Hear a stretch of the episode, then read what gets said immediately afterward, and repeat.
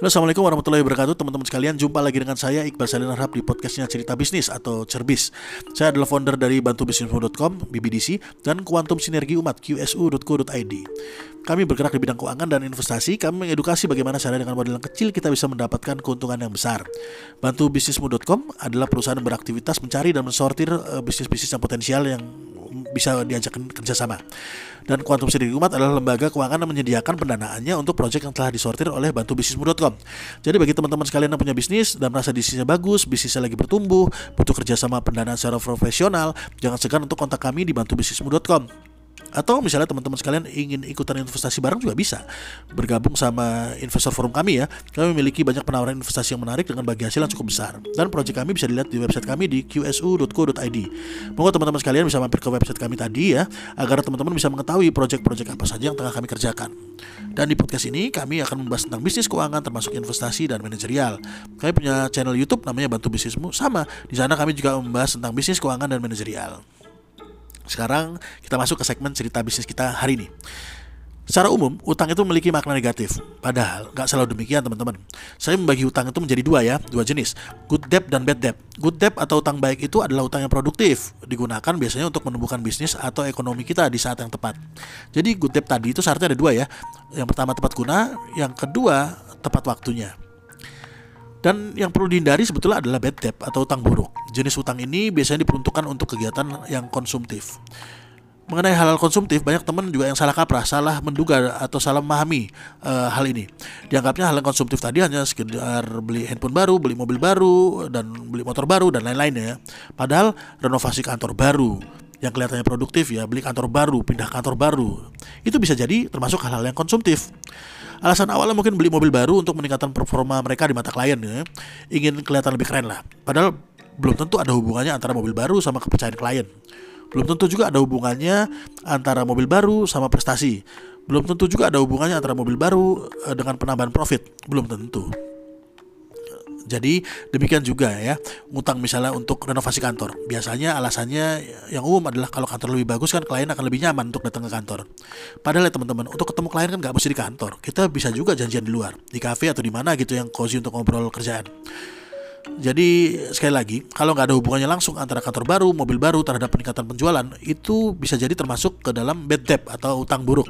Dan untuk bad debt ini saya menyarankan kepada kawan-kawan untuk tidak mengambilnya. Bedakan ya antara kebutuhan dan keinginan. Misalnya teman-teman bilang makan itu adalah kebutuhan, iya, tapi makan dengan siapa dan di mana itu adalah termasuk keinginan. Kalau mesti bisa direm ya direm lah. Gak perlu teman-teman sekalian tuh punya bad debt harusnya ya mending beli cash aja jadi teman-teman sekalian nggak sampai terjerat sama utang Nah, sekarang saya akan membahas pandangan saya pribadi tentang utang baik ya atau good debt. Saya sangat menghargai teman-teman pebisnis yang datang pada saya di bantubisnis.com yang bisnis sedang berkembang dan membutuhkan dana untuk pengembangan bisnisnya. Jadi bagi teman-teman yang memang membutuhkan dana untuk pengembangan bisnis, gak perlu malu sebetulnya, katakan saja. Biasanya justru kebalik ya, orang yang punya yang ingin punya good debt malah malu untuk ngomong. Namun jika berhutang untuk konsumtif malah asik-asik aja biasanya ya untuk nyicil mobil untuk ini biasanya asik-asik aja. Nah, mencari utang untuk bisnis artinya bisnisnya lagi bertumbuh. Jadi harusnya kawan-kawan sekalian bangga ketika bisnis sedang bertumbuh, bukannya malah malu. Tinggal kita sebagai orang yang akan memberikan pinjaman, akan menanamkan modal, akan memberikan investasi, harus melihat kebutuhannya dulu. Kira-kira untuk apa nih dipakai di bisnisnya? Uangnya ini dipakai buat apa di bisnisnya dia? Untuk apa ya? Misalnya gini, butuh tambahan dana untuk kegiatan branding, kegiatan marketing. Nah, Hal tersebut kan nggak bisa diukur di depan ya, akan dapat keuntungan berapa dari kegiatan marketing dan branding. Karena kegiatan tadi kan marketing dan branding adalah investasi jangka panjang, ini nggak bisa langsung diukur. Namun jika misalnya kayak gini, bisnis Anda adalah konveksi, ya fashion fashion busana muslim lah ya mendekati lebaran reseller anda akan uh, biasanya kan banyak pesanan tuh ya banyak order dan anda bisa jadi tidak memiliki dana yang cukup untuk memenuhi uh, permintaan pemesanan tersebut karena ya beli bahan baku dan ongkos produksi kan butuh duit nah di situ baru anda mencari utangan kan Anda bisa berhitung kan. Jadi berapa pesanan akan dibeli, berapa harga bahan baku yang harus dipersiapkan, berapa ongkos produksinya dan semuanya akan menghasilkan keuntungan berapa. Itu semua bisa diukur ya. Dan saya kasih contoh lagi. Misalnya ya ada seorang teman nih, bukan misalnya sih, memang ada seorang teman bisnisnya catering kecil-kecilan dengan dana yang sangat terbatas dia memutar uangnya agar bisnisnya bisa berjalan sehari-hari dia cerita kepada saya dia sangat takut ya menerima pesanan dalam jumlah besar saya tanya kenapa karena ya dia nggak punya uang untuk membeli bahan bakunya kalau ada pesanan yang besar jadi dia hanya open PO aja. Dan kita ngobrol dan saya bukakan pemikirannya tentang cara berpikirnya yang keliru. Jadi gini, saya sampaikan ke teman saya tadi ya bahwa mending kamu cari pesanan yang besar sekalian gitu loh. Misalnya ke pabrik yang punya karyawan lebih dari 100 atau ke rumah sakit yang karyawannya banyak, berikan penawaran yang menarik agar mereka mau ngambil catering ke kamu.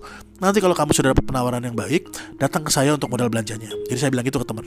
Nah, selang berapa waktu kemudian ya, teman ini mendapatkan order untuk 500 karyawan di satu rumah sakit yang cukup besar. Dan dia dapat jatah selama 14 hari dalam sebulan untuk menyediakan catering di rumah sakit tadi. Jadi kita hitung-hitung ya. Modal untuk satu packs itu modalnya adalah 10 ribu rupiah. Menyediakan 500 pack artinya modal yang dibutuhkan adalah 5 juta rupiah seharinya. 14 hari artinya dia harus menyediakan modal belanja sebesar berapa tuh? 70 juta rupiah ya dan rumah sakit membayar senilai 15.000 per packs dan dibayar mundur ya selama sebulan dipotong dari gaji karyawannya tadi. Artinya 5.000 per pack untungnya ya kan? 15.000 eh, apa namanya dibayar. Modalnya 10 ribu berarti untung 5 ribu rupiah per pack dikali 500 pack selama 14 hari. Maka keuntungan yang bisa diperoleh sama teman tadi ini sebesar 35 juta rupiah teman-teman Nah, dan dari untung tadi ya tinggal dibagi aja porsinya. Saya berapa sebagai investor dan teman tadi berapa Coba misalnya dia nggak cerita ya, dia nggak cerita, terus dia nggak mencari utangan, nggak ngambil proyeknya juga dari rumah sakit, maka peluang untuk mendapatkan gross profit sebesar 35 juta tadi ya pasti kukut lah. Eh, jadi ya mungkin itu tadi ada saya berikan dua contoh ya yang bisa saya berikan dalam mengelola good debt. Jadi good debt itu nggak ada masalah. Eh, yang harus dihindari adalah yang bad debt. Jadi demikian ya teman-teman bedakan antara utang baik dan utang buruk. Utang baik harusnya bangga, jangan malu karena kalau teman-teman tidak terbuka tentang kebutuhannya, maka gimana orang lain bisa membantu Anda. So, semoga cerita bisnis kita kali ini bermanfaat buat teman-teman sekalian, terutama buat saya pribadi sebagai pengingat diri. Saya mohon maaf juga kalau misalnya ada salah kata atau kalau kalau misalnya ada penyampaian yang kurang berkenan, eh, saya minta maaf ya. Dan saya mundur diri dulu, teman-teman sekalian. Eh, sampai jumpa di episode eh, podcast kita cerbis selanjutnya. Wassalamualaikum.